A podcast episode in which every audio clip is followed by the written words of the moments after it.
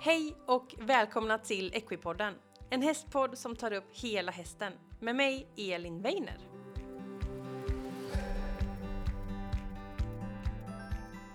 Hej alla fantastiska lyssnare och välkomna till veckans avsnitt. Och det här avsnittet är ett sånt här härligt bas och grundavsnitt som alla på något sätt behöver ha med sig. Så det här är ett sånt här penna och papper avsnitt. För idag får vi träffa Annika Eriksson och det namnet kanske ni känner igen för hon har varit med i podden innan och det var avsnitt nummer 67 och då handlar det om västen och barrel race och eh, pole polebending. Men det är inte alls västen idag. För att Annika hon jobbar också som djursjukskötare och gör det på distriktsveterinärerna. Och i det här avsnittet då så kommer vi att prata om den dagliga visitationen och det här med förebyggande vård. För Annika hon brinner mycket för det här och hon har också ett företag där hon åker runt och liksom föreläser om det här när hon inte jobbar på distriktsveterinärerna då. Och det här är liksom som grundavsnitt så att vi kommer gå igenom punkt för punkt. Vad behöver du titta på och göra för din hästs mående varje dag? Det handlar om att känna igenom hästens rygg, ben, hovar. Vad kan gå fel? Det pratar vi också om. När ska man ringa veterinären? Pratar vi om. Pratar om andning, puls, allmänt mående eh, bajs och ja men du vet allting som man behöver ha koll på. Så ett grymt bra avsnitt. Det är alltid bra att skriva, då lär man sig mycket, så papper och penna kan vara bra. Men den listan som vi går igenom det här avsnittet finns också länkad i poddbeskrivningen så att om du typ eh, är ute och rider, mockar, kör bil just nu så kan du vara lugn, allting kommer att komma. Så att nej, men vi kör helt enkelt igång. Här kommer Annika och veckans avsnitt. Sådär, då sitter jag med Annika Eriksson i Stenungsund. Hej Annika! Hej hej! Jag hade koll på vart vi var idag faktiskt, det hade jag skrivit upp för det brukar inte alltid jag ha koll på. Men eh, det är jättekul att ses, vi poddar ju live idag så vi träffar ju varandra och det är alltid lite trevligt. Mm. Och vi ska prata om, eh, vad ska vi prata om? Lite, lite djursjukvård kan man säga kanske? Mm, det kan man säga. Mm. Jag tänkte vi ska gå igenom lite grann eh, checklista eller hur man visiterar en häst, mm. vad man kan titta lite förebyggande mm. hästvård. Mm, precis, det förebyggande är ett nyckelord. Så det ska vi komma in på lite granna. Men eh, vi får väl börja lite och se vem du är. Och du har ju faktiskt varit med i podden innan. Mm. Och vi kollade upp det. Det är avsnitt 67 av Equipodden. Och eh, då var det västen på tema. För du rider ju västen i van, nu håller jag på att säga i vanliga fall. Men mm. när du rider så rider du västen. Oh, och framförallt då barrel, barrel race och pole bending. Eller hur? Det stämmer. Så är man intresserad av det kan man eh, lyssna på avsnitt 67. Och då är det ju du bland annat. Mm. någon... Och min kompis eh, Johanna Davidsson är med också. Precis. Det är hon och jag som brukar göra uppvisningarna tillsammans på Eurohorse. Just det. Mm. Mycket glitter och glamour höll jag på att säga. Ja. Inte glamour kanske, men mycket glitter och, och stjärnor. Full fart. Och, ja, full fart. Så himla coolt. Eh, men när du inte rider eh, barrel race så arbetar ju du som eh, djursjukskötare. Ja. Legitimerad. Det stämmer. Precis. På distriktsveterinärerna. Ja, i Stenungsund. Ja, mm. precis. Och eh, det är lite den delen av dig vi ska dyka in i idag. Men kan du inte berätta lite om hur du hamnade in på att du ville bli, eh, liksom jobba inom djursjukvård kanske man ska säga? Ja, eh, ja det är egentligen en, en lång historia faktiskt. Mm. Men från början så ville väl jag bli veterinär. Mm. Eh, och så kom jag inte in i Sverige och då flyttade jag utomlands mm. för att läsa i England. Mm. Men där hade jag en eh, lärare som tyckte att jag skulle läsa marknadsföring istället. Jaha. Och, eh, en lärare på veterinärprogrammet? Nej, inte, nej. för då läste, innan man kommer in på veterinärprogrammet ja. så måste man ta eh, två stycken test. Ett som ah, heter ja, IELTS och så mm. CAI eller Cambridge. Precis, sådana där inter, liksom, ja. nationella prov typ. Ja men precis, mm. för att kunna gå på skolan då. Mm. Och det var den läraren då som tyckte att jag skulle läsa det istället. Mm. Och då blev jag väl lite så fundersam på vad det var. Mm. Och då ringde jag och pratade med väldigt många av mina gamla kollegor. För jag hade ju jobbat på alltså, Blå Stjärnan i många år. Mm. Alltså som djurvårdare då, mm. eller börjat som det. Mm. Och sen eh, eh jobbat alltså, mer som djursjukskötare då. Um, och då var det inte en enda utav de veterinärerna som jag frågade om, om de hade gjort om sitt val, om de hade velat bli veterinärer igen. Och det var inte en enda som sa att de ville bli veterinärer. Jaha. Va? Mm. Jättetråkigt faktiskt. Ja, vad konstigt. Mm. Men kände att nej, jag skulle nog velat jobba med något annat. Ja. Ja, där får man nästan ta fram lite statistik på hur många jobbar kvar i yrket. Jag Mm. jobbar ju som lärare och det brukar Mm. komma sånt där att ja, men, så här många jobb, utbildar sig men så här många är kvar i yrket typ. Sån Mm. statistik brukar ju komma. Mm. kanske finns något för veterinärer. Jag hörde någon statistik om det faktiskt. Mm. Nu vet inte jag om det stämmer. Men Ja. Det var någon som sa att genomsnittliga arbets... mm, Alltså mängden år de jobbar Ja. är sex år eller någonting sånt Det är som inte mycket. veterinär. Nej, det är inte så många år. Intressant. Det får bli ett annat poddavsnitt helt Ja. men då kände du att kanske inte veterinär Nej, då ändå. kanske jag inte skulle bli veterinär. Nej, Men då hade du precis. ändå hamnat i England Ja. Och tänkte att du skulle... Mm. Åh, vad coolt! Vad Mm. blev du då? då? Blev du marknadsföring? ja, jag läste marknadsföring Ja. på IHM i två år. Ja. Jättekul, jättebra utbildning. Det kan jag rekommendera alla att gå. I Sverige eller England? Eh, Göteborg faktiskt. Göteborg här. Mm. Ja, Mm. där ser man. Ja. Snyggt. Och sen så läste jag då upp på den tiden efter det sen. Så läste jag upp, för då på den tiden hade man något som kallades för övergångsregler. Mm. Att man kunde läsa in sin eh, legitimation då att man hade jobbat ett visst antal år Just inom det. djursjuksköterska. När man förde in legitimationet då så hade du jobbat ett visst tid. Så. Ja, precis. Att man hade jobbat ett visst antal år och sen så gjorde man ju då ja, men en jättehemsk tenta som det var väldigt många som kuggade. Ja. Och sen så gjorde man ju såna här um, alltså flera A4-sidor med olika moment. Att man skulle Mm. ha en veterinär då som Kunna göra grejer. ja, visar vad man kunde göra. Ja. Ja, men, sätta sprutor och kanyler och ta på en veterinär sterila kläder och öppna Mm. sterila förpackningar. Och, Mm. ja, mycket om hygien och ja, Mm. allt, allt möjligt. Viktigt. Mm. Så då klarade du den hemska Ja. tentan då? Ja, det gjorde jag. Jag klarade den och fick min legitimation. Ja, Men annars så är den ju tre år då i Uppsala just det, idag. idag om Mm. man vill läsa till eh, legitimerad djursjukskötare. Precis. Och vi jämförde det lite med på humansidan, att man är som en sjuksköterska då. Mm, precis. Man kan ju också bli djurvårdare Mm. och då kan man säga att man är som undersköterska Mm. om man jämför det med humansidan. Just det. Och jämför man då så är ju veterinären som Som läkaren. läkaren då. Precis. Och där, det pratade vi lite om vi- innan vi spelade in här så att det här måste vi lyssna, lyfta för att det här kände jag att jag själv inte hade koll för då kan man ibland höra det här D9. Mm, precis. Och vad är det? Ja, men då är det också att, att du får lov att ge mm, lite olika typer av läkemedel och sånt då. Mm. Eh, Och där är lite skillnaden då när man är legitimerad så får man ju ge andra typer av läkemedel. Till Mm. exempel ja, sederande och opioider, alltså Ja, mm, tyngre grejer. tyngre grejer. Precis. Mhm.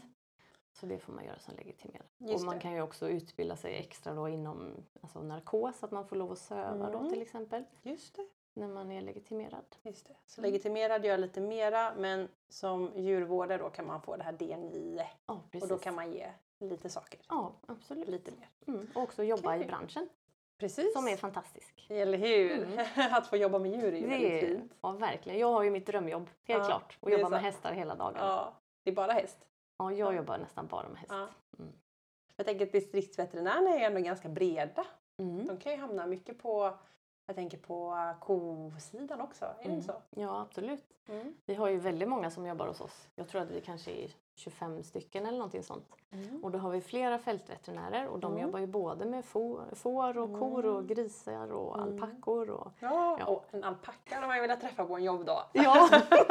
inte en sjuk då kanske. Men Nej, de är inte alltid så snälla. det är bra. inte när man ska jobba med dem i alla Nej, fall. nej okej, det kan jag i och för sig tänka mig. Mhm. Jag har bara sett såna här, eh, att de verkar så fluffiga, så söta. Ja, de är ju väldigt gulliga. de. Terapidjur liksom. Ja. Ja. ja, jättesöta och fantastiska så här, jättestora ögon. Ah. Och så ser de lite glada ut. Mm. Om man filmar eller tar kort i rätt vinkel ser det nästan ut som de ler. Så. Ler, ja. ja, verkligen. Ja, det var alpackinslaget här. Mm. Precis, så att de är lite mer ute då, men ni har... Eh, Vi har eh, också smådjursmottagning. Precis. Och sen har vi också på plats i Stenungsund Mm. så har vi också en, en hästavdelning Mm. där vi gör hältutredningar och sånt. En klinik typ. Ja, en klinik, ja precis. Och där Mm. vi också har, eh, ja men vi har ju Hanna där som är specialist på hästar och är jätteduktig på till exempel hältutredningar. Mm. Och vi jobbar ju mycket med, nu för tiden finns det ju objektiva eh, rörelseanalysinstrument. Mm. Så då sätter man en sensor på hästens huvud, en Mm. på rumpan och en på ena frambenet. Och då får man liksom med hjälp av en dator då så får man ett diagram då med, som mäter då olika, alltså hur hästen rör sig helt enkelt. Coolt! Och man får då fram med den hur, ja, men vilket ben hästen är halt på Ah. och hur mycket den är halt då. Och sen så det är ju såklart inte, alltså man måste ju fortfarande ha sin veterinär. Ja, men det är ett verktyg till. Det är ett verktyg till ja. Coolt! Varför just ett framben? Eh, Den, alltså, den här mäter ju då rörelsen kring ryggraden. Ja. Och då att den sitter på ena frambenet det är bara för att avgöra vilket ben det är. Så Ja, att den vet att den- vilket den ben som är vet. upp och ner. Mm. För att den kan liksom orientera datan typ. Ja, precis. Åh shit vad grejer det kommer alltså! Ja, det är så häftigt. Ja. Och man ser ju verkligen det att alltså, det är ju svårt med hälter, särskilt bakbenshälter. Mm. Ja. Det kan vara väldigt klurigt. Och om den är halt på två ben, för ofta är det ju inte bara ett ben som är involverat. Precis. Och då är den ju också fantastisk när hästen kommer tillbaka. Mm. För då har man ju sin mätdata. Just det, så man jämför istället för att veterinären på något sätt ska komma ihåg, Komma ihåg, ja, typ hur det såg ut när det har gått 10-20 hästar emellan. Mm. Och då mät, alltså den kan ju ge exakta värden då. Till exempel, ja men den är kanske 18% bättre Mm. eller den är 87% bättre. Mm. Så att, eh, och också då när man har lagt en bedövning så ser man ju då också, okej har den här bedövningen gjort något resultat Shit. Eller inte? Alltså den är ett fantastiskt verktyg. Det här var ju jättehäftigt ju. Mm. Tänk vad det går framåt. Ja, det, Och just som du säger, bakbenen, det är jättesvårt. Många Mm. kanske lär sig det här med nickhältan fram eller Ja. att man kan se eller höra. mm, Bakbenen jättesvårt. mm, Och speciellt om det är liksom rörelsen när höften, Ja. för att höften rör sig så mycket tycker jag. mm. Det tycker jag är svårt att se. Ja, det är det. Man kan nästan se att bara klia sig lite. Det är någonting som inte riktigt stämmer. Mm. Men det är svårt att sätta fingret på. Ja, verkligen. Mm. Och sen också då om den har en, för man kallar ju det för belastningshälta eller Mm. en påskyddshälta Mm. eller en midstance-hälta då. Alltså. Mm. Och då. Det kan ju också vara väldigt svårt att se då vilket, vilket Okej. ben som är vilket för den rör ju sig olika då beroende på Ja, just det. hur hältan är i halt eller vad man ska, hur Ja. man ska förklara det. Ja. Oj, oj, oj. Det här var ett poddavsnitt till vi får göra. Ja, Ja. Men nu ska vi ju helst inte prata om allt för sjuka hästar. För det vi ska Mm. försöka prata om lite idag det är ju ändå det här förebyggande man kan göra hemma. Mm. Och eh, du jobbar ju på distriktsveterinär då till vardags. Mm. Men du har ju också ett litet eget företag, Mm. eller hur? Och då eh, pratar du bland annat om sådana här saker. mm, precis. Jag har haft lite föreläsningar och om alltså, ja, visitering av häst och också lite akutsjukvård, hur man Mm. kan tänka och lite hur man lägger bandage och sådär. Sådana här bra saker att kunna helt enkelt Mm. i stallet. Eh, ja, men jätteintressant. Jag tänker att vi ska försöka ta oss in då i det här. Och första punkten jag har skrivit är det här att visitera hästen och förebyggande vård. Mm. Och visitering lärde man sig på ridskolan eh, att man skulle göra. Och Mm. det skulle göras varje dag. Mm. Och det var massa saker som man skulle göra där. Mm. Och eh, vi pratade lite innan här att du sa att, att du tyckte att det fanns lite lister men att det kanske inte riktigt var komplett. Nej, precis. Att du ville göra lite mer utförligt. Ja, för man, nu när man har jobbat många år i, inom alltså veterinärbranschen och, Mm. och sett mycket hästar så Mm. ser man ju på ett annat sätt än hur man såg på en häst när man gick på ridskolan. Ja men liksom. eller hur, när man var tio typ. Ja, och lärde ja, sig. Ja, Mm. men verkligen. Att, eh, Ja.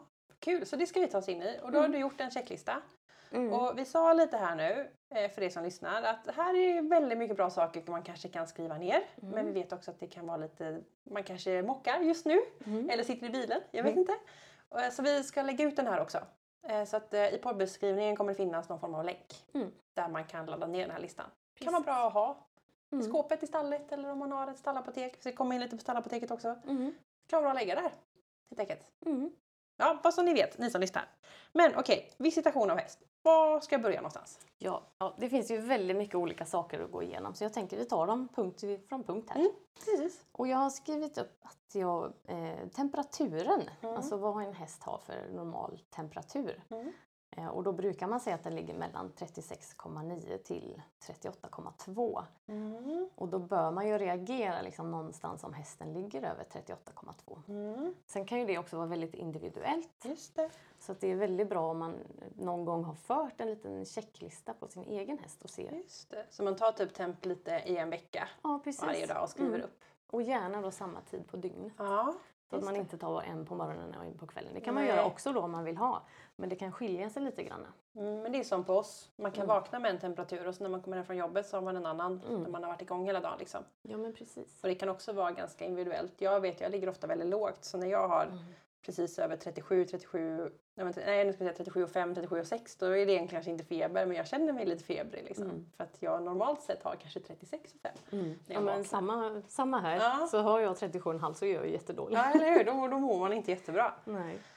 Och jag tänker också för 38 och 2. Mm. För oss så tänker man så här, gud vad högt det är. Men då Mm. är det fortfarande normalt för Mm. de är lite varmare än oss då. Ja, precis. Och föl kan ju faktiskt ligga ännu högre. För de har normalt sett en lite högre liksom, Mm. grundtemperatur så de kan ju nästan gå upp till 39 grader och att det fortfarande är Det är normalt. fortfarande liksom. mm. Ja, bra att veta. Och sen så är det ju en, många djurägare faktiskt som kommer och, och säger så här, om man frågar om de har tagit tempen Mm. så säger de Ja men den är inte varm på mulen och jag bara nej. Det, Ah, det är samma som med hundar, man kan inte känna tempen på mulen eller på nosen. nej. Utan man behöver liksom stoppa en temp i rumpan Ja. och, och verkligen se vad har den för grader. Liksom. Just det. Jag har hört att om den är varm om öronen Mm. och om den är kall om öronen då Mm. fryser den. Är det också lite skröna? Ja, alltså jag skulle nog inte säga att det stämmer riktigt. Nej. Nej. Så Nej. eh, man ska alltid ta tempen. Tempen. För den kan ju ha varma öron utan att den har feber till Ja. exempel. Alltså om du har ridit till exempel. Just det, just det. Eller om det är varmt ute så Ja. kan du ju fortfarande ha varma öron Just men att det. den inte har feber. Men om den har kalla öron, behöver jag lägga på täcke då? Svårt att säga kanske. Bra fråga, det, det har jag faktiskt inte funderat på. Men det kanske är, du kanske får titta lite på hästen hur den ser Ja. ut. Om det verkar som Jag att ska göra den en fryser. egen undersökning av det här. Känna Ja. på öronen på alla hästarna. Gör det och så får du ta tempen också och se vad de har för temperatur. Ja, jag får göra någon slags korrelerande här. Ja, Ja. det blir ytterligare ett projekt. Kul. Okej, så tempen. Och när jag köper en eh, termometer, något jag ska tänka på där då? Eh, ja, ja, alltså, det bästa är ju att ha en snabb termometer. Mm. En som går fort. För det är jobbigt om du ska stå om du har en häst som sparkas till exempel. Då är det inte så kul att Tycker stå där bak och, i en minut och vänta på den här term- precis. termometern. Utan gärna en snabb termometer. Mm. Och, och till häst är det bra om den är lite större. Så att den inte, alltså att den inte försvinner in i rumpan. Mm. Nu ska det väl mycket till att det ska hända. Liksom. Mm. Men det är bättre att ha någonting som är bra att hålla i. Liksom. Mm, precis. Det finns ju om man köper i hästsportbutiker nästan som ett litet handtag längst ut. Ja precis, de är ju väldigt käcka. Ja. Och eh, det var också en sån här skröna jag hörde, eller kanske är så att man hade en vanlig termometer skulle man knyta ett snöre Mm. för att hästen kunde suga in. Mm. Den kunde försvinna. Ja, det är faktiskt lite kul. Vi hade någon som ringde om det för några veckor sedan.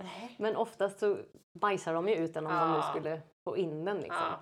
Men eh, det visade sig att den hade inte fått in den i rumpan utan den hade bara trillat ut. Okej. Ja. Jag kommer inte ihåg hela historien men den hade i alla fall inte Okej. fått in den i rumpan. Håll i termometern. Men håll i termometern, Mm. ja precis. Precis. Okej, så temperatur. Mm. Ehm, bra att hålla koll på helt enkelt. Mm. Mm. Yes, vi går vidare. Eh, jag kanske också ska nämna då att har hästen feber, ja Mm. men då kanske det är bra att ringa veterinären. Mm. Man ska Så göra att- det direkt. Ja, det skulle jag göra. För det, det är ju, alltså, har hästen feber så är det onormalt. Mm. Så den ska ju inte ha feber. Nej, precis. Och då är den ju oftast sjuk på något sätt. Då är det någonting som är Mm. fel. Ja. Det är ju ofta en av de första grejerna som visar sig när hästen är Mm. sjuk.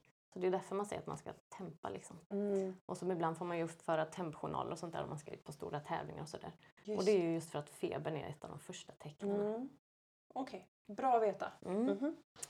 Eh, sen har jag skrivit upp puls. Mm. Och då är det väldigt bra att lära sig att känna hästens puls. Precis. Tänkte just det här är lite trixigt. Ja, det kan vara väldigt trixigt innan man är van att känna den. Mm. Och den kan man ju ta på många olika ställen. Man Mm. kan till exempel ta det under ganachen. Mm. Där har de ganska stora blodkärl som man kan Mm. känna. Mm. Eh, och sen så kan man ju skaffa sig ett stetoskop så att man lär sig att lyssna på hästens hjärta. Just det. Man kan ju lyssna på hästens hjärta också om man lägger örat till men det är ganska så svårt. Mm. Mhm. Och också ibland om man, om man lägger handen nere, men vad ska man säga, vid sadeljorden. Mm. För där är man ju ganska nära hästens hjärta. Mm. Och gärna lite längre fram in under frambenet nästan. Mm. Eh, och då kan man känna hästens hjärta. Just det. Så att man kan ju då räkna i många slag. Mm. Och då brukar jag titta på klockan Mm. och så räknar jag slag under 15 sekunder. Mm. Och så gånger jag det med fyra. Just det, då får jag en minut. Precis. Mm. Så får man ju många slag per minut hästen har. Mhm. Och man brukar säga att det är normalt någonstans mellan 28 och 40 per Mm. minut. Det är ändå ett ganska stort spann. Ja, det är det faktiskt. Mm. Och en vältränad häst brukar ju ha lite lägre än en, men, så. men det är ju samma som hos människor, att det är Precis. individuellt. Precis. Så det är bra att veta vad hästen har i sitt normaltillstånd. Yes. Och att man vill veta det här då, det är ju för att men hästarna får någonting som kallas för smärtpuls. Mm. Alltså att pulsen går upp om de har ont. Mm. Så till exempel om hästen har kolik, då får den ju högre puls. Ja. Eh, och därför vill man veta det då. Och.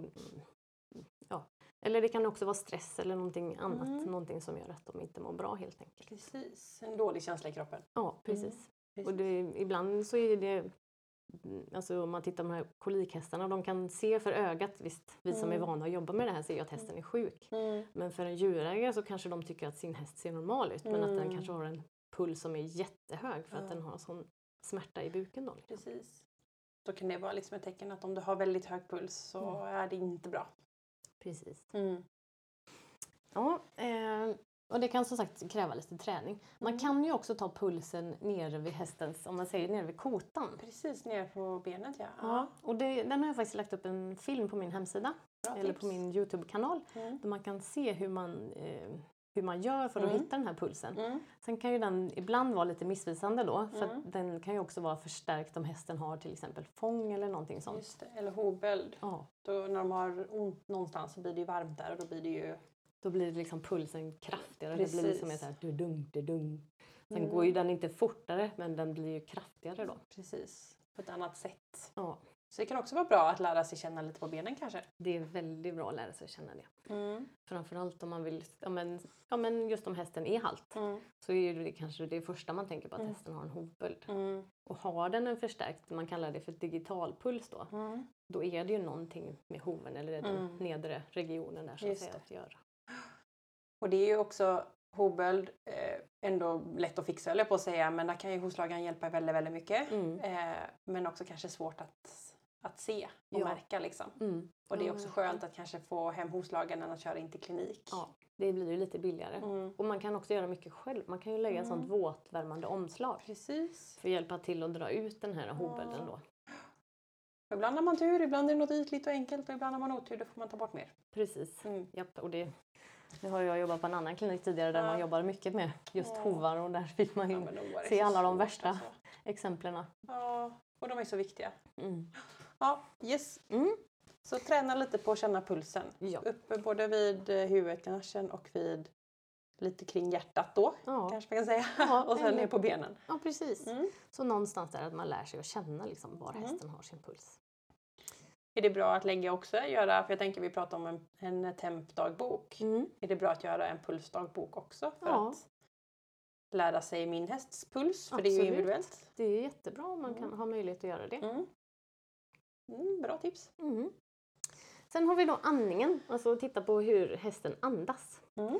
Och då brukar man, ja men man brukar säga mellan 8 och 16 andetag per minut. Mm. Och det kan ibland vara lite svårt att se. Mm. Man kan ju titta på hästens eh, nos och Mm. titta på näsborrarna så kan man se när de vidgar sig. Precis, Så kan man räkna där. Mm. Eller så kan man ju sätta någon liten metallgrej eller någon, någonting sånt framför hästens Mm. nos och så kan man se då när det blir imma. Precis, typ på en spegel eller så. Ja, Ja. precis. Mm. kan man räkna på det sättet. Mm. Och sen så kan man också titta på hästens, ja men vid buken, Mm. om man tittar lite längre bak på buken. Precis, bak vid virveln Ja precis, jajamän. kan man se att det åker ut och in. Ja, Mm. precis. Och då vill man också, alltså man vill se hur många andetag hästen tar och sen vill Mm. man också titta att den inte har någonting som kallas för bukpress. Mhm. Att den liksom får som ett streck typ under magen kan man se Mm. att, att den har liksom svårt att andas in och andas som ut. forcerar så. Ja precis. Ja. Då kan man också tänka att den har något problem med andningsvägarna. Liksom. Ja, den är också jäkligt bra om man ställer upp. Man vill kanske att ska stå still då när man ska titta på andningen. Mm. Om man håller i den eller om den står upp under den och så se att hur ofta och sen om det är forcerat eller inte. Mm. Okej. Mhm. Och vad sa vi norm- normalt? 8 till 16? 8 till 16, precis. Just det. Mm. Och det är på en minut. Ja, det är på en minut här också. Mm. Och också där om hästen hostar. Mm. Det är ju inte heller normalt. Nej. Ehm, och också om de har, vissa hästar får ju liksom ett konstigt ljud. Ibland när man Mm. till exempel longerar eller rider eller så. Lite Mm. pipande ljud eller lite väsande ljud. Från andningen. Ja, precis. Mm. Och det är ju inte heller normalt utan det Mm. kan ju tyda på ja, men olika mm, felsaker som ligger liksom i Mm. mm, luftvägarna eller så. Nu tappar jag ordet här vad det heter. Ehm, eh, struppipning heter det. mm. ja, att man har ett ena, att den blir liksom förlamad inne i, i struplocket här inne. Mm. Eh, och man kan också ha en lång mjuk gom kallas det. Mm. Och alla de här sakerna kan ju då bli olika ja, men fellägen och göra det svårt för hästen att andas. Mm. Eh, det är ju vanligare kanske att man utreder sådana saker på trav och galopphästar. Mm. För där ser man det är sån extrem... Eh, ja. Och man ser också andning. nedsatt prestation. Men ja. det finns ju många hästar, vanliga hästar som kan ha sådana där problem också. Mm. Så att hör man sådana där ljud så är ju inte det normalt utan då ska man också ska man kolla upp det. Ja, prata mm. med sin veterinär. Bra. Och när vi ändå är inne på det här med andningen så om man, om man nu känner och letar efter pulsen under ganachen mm. så kan man ju också leta efter förstorade lymfknutor. Mm. Eh, och är de förstorade eller hårda om man säger, mm. eh, då är också det något tecken på att hästen inte riktigt mår som den mm. ska. Är det under också då? Mm, precis, under, under ganachen eller här ja. under kan man säga så har de två stycken lymfknutor som brukar vara bra att känna på. Mm. Och de ska vara små och mjuka? Ja, men precis. Man kan känna det på sin häst Är det typ som halsmandlar? Ja, men det kan man säga. Mm. Okay. Mm. Uh, och blir de förstorade så är det också något tecken på att det är någonting som Någon, inte är... Någonting fel i kroppen? Ja. Mm. Fattar. Mm. mm. Bra. det kan vara bra att ha koll på. Och sen går vi vidare till hästens nos då, mm. när vi ändå är inne på andningen. Precis. Och då Hästen ska ju liksom inte ha snor, men visst den kan ju ha det här genomskinliga. Mm. Eller, kan rinna lite? Ja, det kan rinna lite genomskinligt ja. och det är helt normalt. Ja. Och också om den har lite vitt ibland eller mm. Eh, sådär, det kan också vara normalt. Men det, är okay. det ska inte vara gult Nej. och det ska inte vara grönt Nej. och det ska inte lukta illa. Och inte mycket. Nej precis, inte mycket. Nej. Och framförallt så ska det heller inte vara ur bara ena näsborren. Okej, okay. ena, viktigt. Mm. Mm. För då är det ofta någonting som är fel, antingen med hästens bihåla mm. eller med någon tand. Ja, det hänger mycket ihop där ja. Mm. Och då är det väldigt bra att ringa till veterinär. Okej, okay, så kommer det ur en, ring veterinär? Ja. Men lite genomskinligt och lite, lite vitt går bra? Ja, precis. Men skulle den få mera och någon konstig färg eller mm. lukta illa. Lukt. Ja. ja. Men allt som luktar illa det brukar man ändå reagera på tycker jag. Ja, men precis. För det är inte så trevligt. Nej. Ja. Eh, mm. Och sen så kan man också då när man ändå är framme vid hästens nos så kan man också lukta hur hästen luktar i munnen. Mm. Ehm, för hästar kan ju få någonting som heter foderinpackningar. Ja precis, att det lägger sig mellan tänderna typ ja. och fickor. Mm, precis, mm. och särskilt gamla hästar och så mm. brukar ju få det här. Och det är inte heller bra om det luktar illa ur hästens mun. Då är det ofta någon bakteriegrej va? Ja men precis, det är ju det som gör att det luktar illa. Att det, mm. alltså de här sakerna ruttnar ju in i munnen kan man mm. Och det kan ju också störa tarmfloran och allting sånt mm. och bli värre problem. Mm. Men så luktar hästen illa i munnen mm. eh, om man öppnar munnen på den lite i sidan så då ska man också ringa veterinären. Just det, då behöver vi kika in. Japp, mm. precis. Mycket bra. Eh, sen har vi lite tarmljud. Ja, viktigt. Ja, jag vet inte hur många det är som lyssnar på sin hästs tarmar egentligen. Det kanske inte är jättevanligt att man gör det. Inte om man inte tror att den är dålig tror jag. Nej. Man hör ju ofta så här om man misstänker kolik så ska man ju lyssna. Mm, precis. Och om det är tyst. Och om det är tyst ja, då är det mm. absolut dags att ringa veterinär. Ja, då ja. är det väldigt dåligt. Eh, men man kan ju lyssna med örat, att man mm. lägger örat in till eh, sidan på hästen och då ska man lyssna på båda sidorna. Mm. Um, för de har ju, alltså, inom veterinärmedicinen så kallar man det för fyra kvadranter, att man lyssnar både uppe och nere på båda sidorna. Så det blir fyra ställen som man lyssnar på. Okej. Okay. Uppe långt, är vi bak vid virveln ja, igen vi är bak vid virveln igen. Mjuka, för jag tänker rebenen är ju i vägen annars. Mm, så mm. virveln, precis. Den ena lite längre upp och den andra lite längre ner. Mm. Och då har man lite olika tarmljud på de här olika mm. fyra ställena. För det är ju lite veckat där inne. Precis. Och också man har blindtarmen på ena sidan som mm. har lite särskilt ljud mm. på högersidan då. Mm. Och då kan den låta nästan lite som att man spolar i en toalett eller att man kastar ner saker i en mm. metallhink eller sådär. Mm. Så det kan låta lite annorlunda på högersidan. Leta efter blindtarmen då? Mm, precis. Gud vad kul, det ska jag göra. Ja, det får du prova. Ja, det ska jag göra. Sen är det såklart att det är lättare att lyssna om man har ett stetoskop. Ja. Men man kan ju alltså, lyssna med örat också och lägga det till om man lär sig att lyssna. Sen kan det också vara svårt i början att lära sig att lyssna med stetoskop. Mm. Så om man nu har ett stetoskop i sin eh, sån här sjuklåda Mm. så är det väldigt bra att provlyssna på lite olika hästar och sådär. Så att man inte bara har det. nej, för det Mm. är liksom ett, lite speciellt att lära sig att lyssna för det är mycket andra saker som låter också. Mm. Alltså saker i rummet eller fläktar eller så här, hästens hjärta och hästens mage och Ja. Också eh, själva hårremmen. Om man, då när hästen andas så kan ju stetoskopet åka fram och tillbaka och då skrapar det ju lite. Ja, alla har väl har testat någon gång med stetoskop på om man har så här, eh, slått med fingret. Så, ja, Ja. det gör ganska ont i öronen. Det kan det göra. Ja. Så det, det kan vara bra att lära sig att lyssna på det. Mm. Viktigt. Och är det som sagt, är det tyst i hästens tarm, då ringer veterinären för det är inte bra. Det är dåligt. Det ska Ja. alltid låta. Ja, det ska alltid låta. Och sen ska det inte låta för mycket heller för då Nej. kan man ju också ha problem att man, hästen har mm, Ah, för mycket liksom, tarmmotorik det och lite kanske fort. ja, lite diarré eller sådana saker. De Mm. brukar också ofta hänga ihop. Men om jag lyssnar på alla fyra ställen, då ska det låta på alla fyra ställen. Mm, Om det precis. är tyst bara på ett ställe, ska jag oroa mig då också? Ja, då ringer man veterinären. Och så låter det på de andra. Då är det Mm. fortfarande dåligt. Okej. Japp. Och så ska man lyssna en liten stund. Mm, det är bra att lyssna en liten stund för Ja. ibland kan det ta lite tid innan de här Mm, ljuden kommer. Särskilt då blindtarmen för den tömmer sig inte hela tiden. Nej, Utan det här ljudet, särskilda ljudet kommer liksom i vissa mellanrum. Så lyssna en bra stund på alla ställen. Liksom. Så att man inte... Inte få panik direkt. Nej, liksom. det, Nej. det är inga tio sekunder. Nej, precis. Utan man får lyssna en stund. Bra, Mm. bra att veta. Mm. Mm. Eh, och då när vi ändå är inne på det där med diarré och sånt där så Mm. tänkte jag att vi ska prata lite om hästens avföring, Mm. alltså bajset. Bajset ja. När släppte den senast en hög?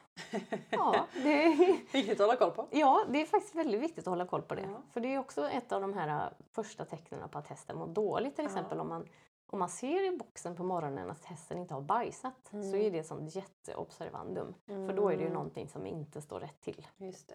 Och det kan ju vara lite svårt om man har hästen på lösdrift. Ja. För då eh, har man ju inte alltid koll på när hästen bajsade senast. Eller om det var min häst som bajsade eller om det var någon annans häst. Precis. Och då kan det vara lätt att missa de här Ja. tidiga tecknen. Precis. Och där är också så här eh, att mocka hagen till exempel. Mm. För om man skulle mocka hagen eller lösdriften då, då vet man ju typ det brukar bli typ så här mycket. Mm. Och idag var det typ mindre. Då Mm. är det någon som har eh, reagerat så att säga. Mm. Men att man, vissa hagar mockar man kanske inte alls Nej. mer än några gånger per år. Mm. Men eh, ja, faktiskt viktigt att tänka på. Mm. Ja, verkligen. Och också det här med konsistensen. Jag tänker att de flesta förstår ju om hästen har diarré eller liksom en komocka så är det inte Ja. bra.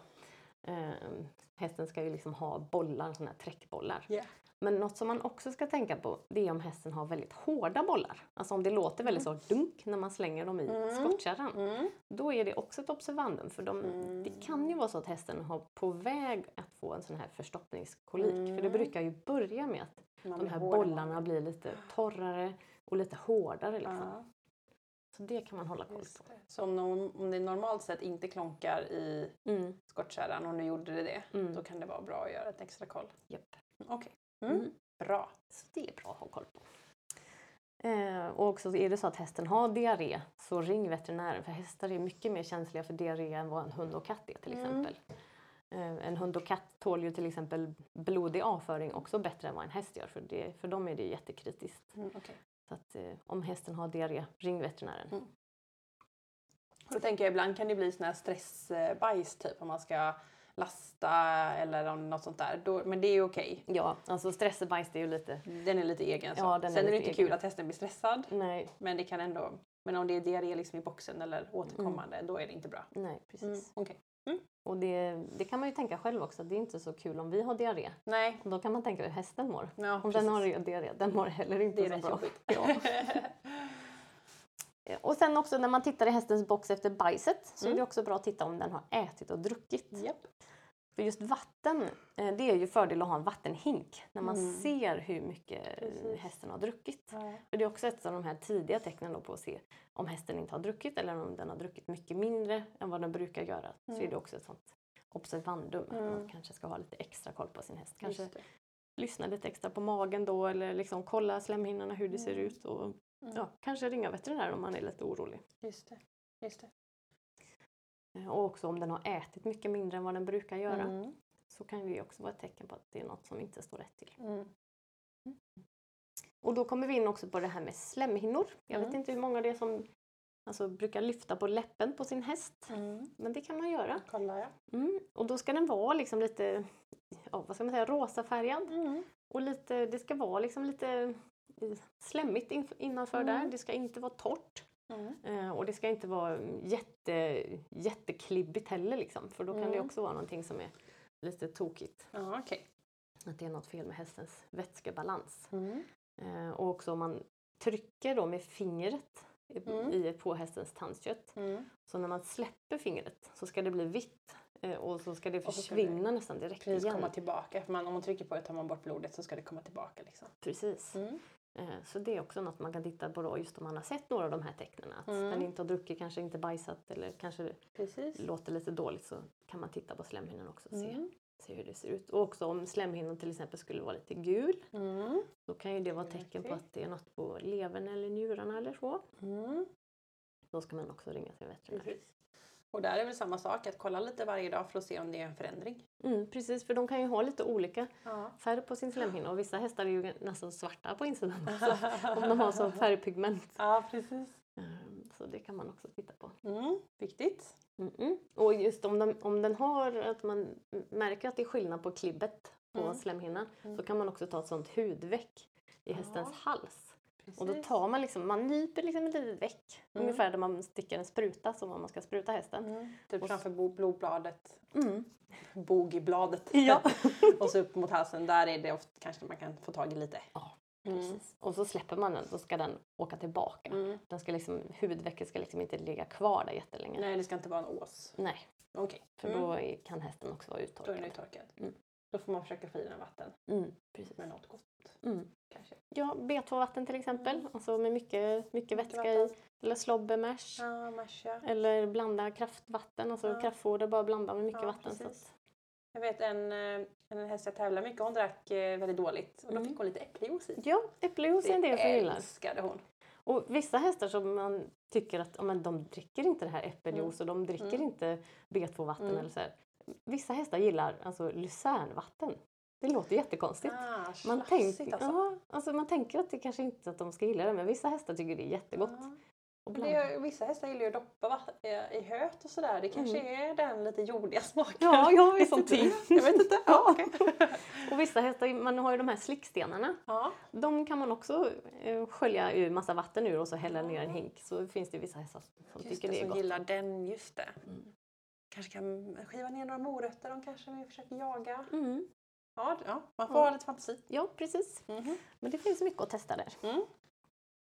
Sen vill man titta lite också på hästens allmäntillstånd Ja. och se, är den lugn Mm. eller är den orolig? Mm. Skrapar den med hovarna? Ja. Eller vill den lägga sig ner kanske? Mm. Flemar den, alltså drar upp överläppen? Mm, den, Ja. Precis. Mm. Eh, eller den kanske slickar sig mycket om munnen? Mm. Det är också sådana där små tecken som man kan leta efter. Mm. Och vissa hästar, ja men den, den kanske brukar vara lugn Mm. och sen helt plötsligt så är den jätteorolig. Då kan ju det Mm. vara ett tecken. Mm. Eller tvärtom, en häst som brukar vara lite Och orolig lite sen, alert och så plötsligt så... så är den jättelugn. Liksom. Mm. Och också man kan titta på placeringen i boxen, hur Mm. hästen står. Mm. Till exempel om den brukar komma fram med huvudet när man öppnar dörren. Mm. Och den här gången så kanske den står med rumpan emot. Mm. Eller liksom med huvudet in i ett hörn av boxen, liksom drar sig undan lite. Mm. Så är det också ett tecken på att den inte mår som den ska. det någonting som... Okej. Mm. Jag tänker, allt vi har sagt hittills är ju väldigt sådär att bara vara i stallet och bara vara Mm. lite observant. Mm. Typ lite observant när den mockar, Mm. lite när du kommer, hur reagerar den, hur står den? Mm. Och sen bara typ när man råkar vara vid huvudet så titta lite i näsan och Mm. munnen samtidigt och sen så känna lite pulsen. Och, alltså det känns som att det är ett ganska flöde. Ja men precis och det är mycket, ja, men mycket små saker. För annars så är det en del som ringer till veterinären. Ja men nu ligger den och rullar sig i boxen och den har inte Mm. ätit på tre dagar. Ja men det kanske är lite för sent. Ja. Hade man ringt veterinären då istället när, när man Mm. såg att den drack lite mindre eller att den var lite uttorkad kanske eller någonting sånt där. Så kanske det hade blivit eh, mycket lättare för hästen. Precis. Och Mm. billigare. Det är också viktigt att komma ihåg. Japp. yes, så då hade vi haft allmäntillståndet. Då ska vi gå vidare på ögon ser jag på din lista. Jajamän! Och ögon är ju alltid lite speciellt. Eh, om de rinner i ögonen till exempel. Mm. Eh, det kan ju vara Ja, men dels kan den ju ha någon skada eller något sånt i ögat men det kan Mm. också vara att den har trånga tårkanaler till exempel. Mm. Eller något eh, annat med ögat som är tokigt. Mm. Sen är det också viktigt att kolla om hästen kniper med ögat. Mm. Inte bara stänger tänker du? Nej utan att... precis, utan den kniper och Ja. håller liksom igen ena ögat. Ja.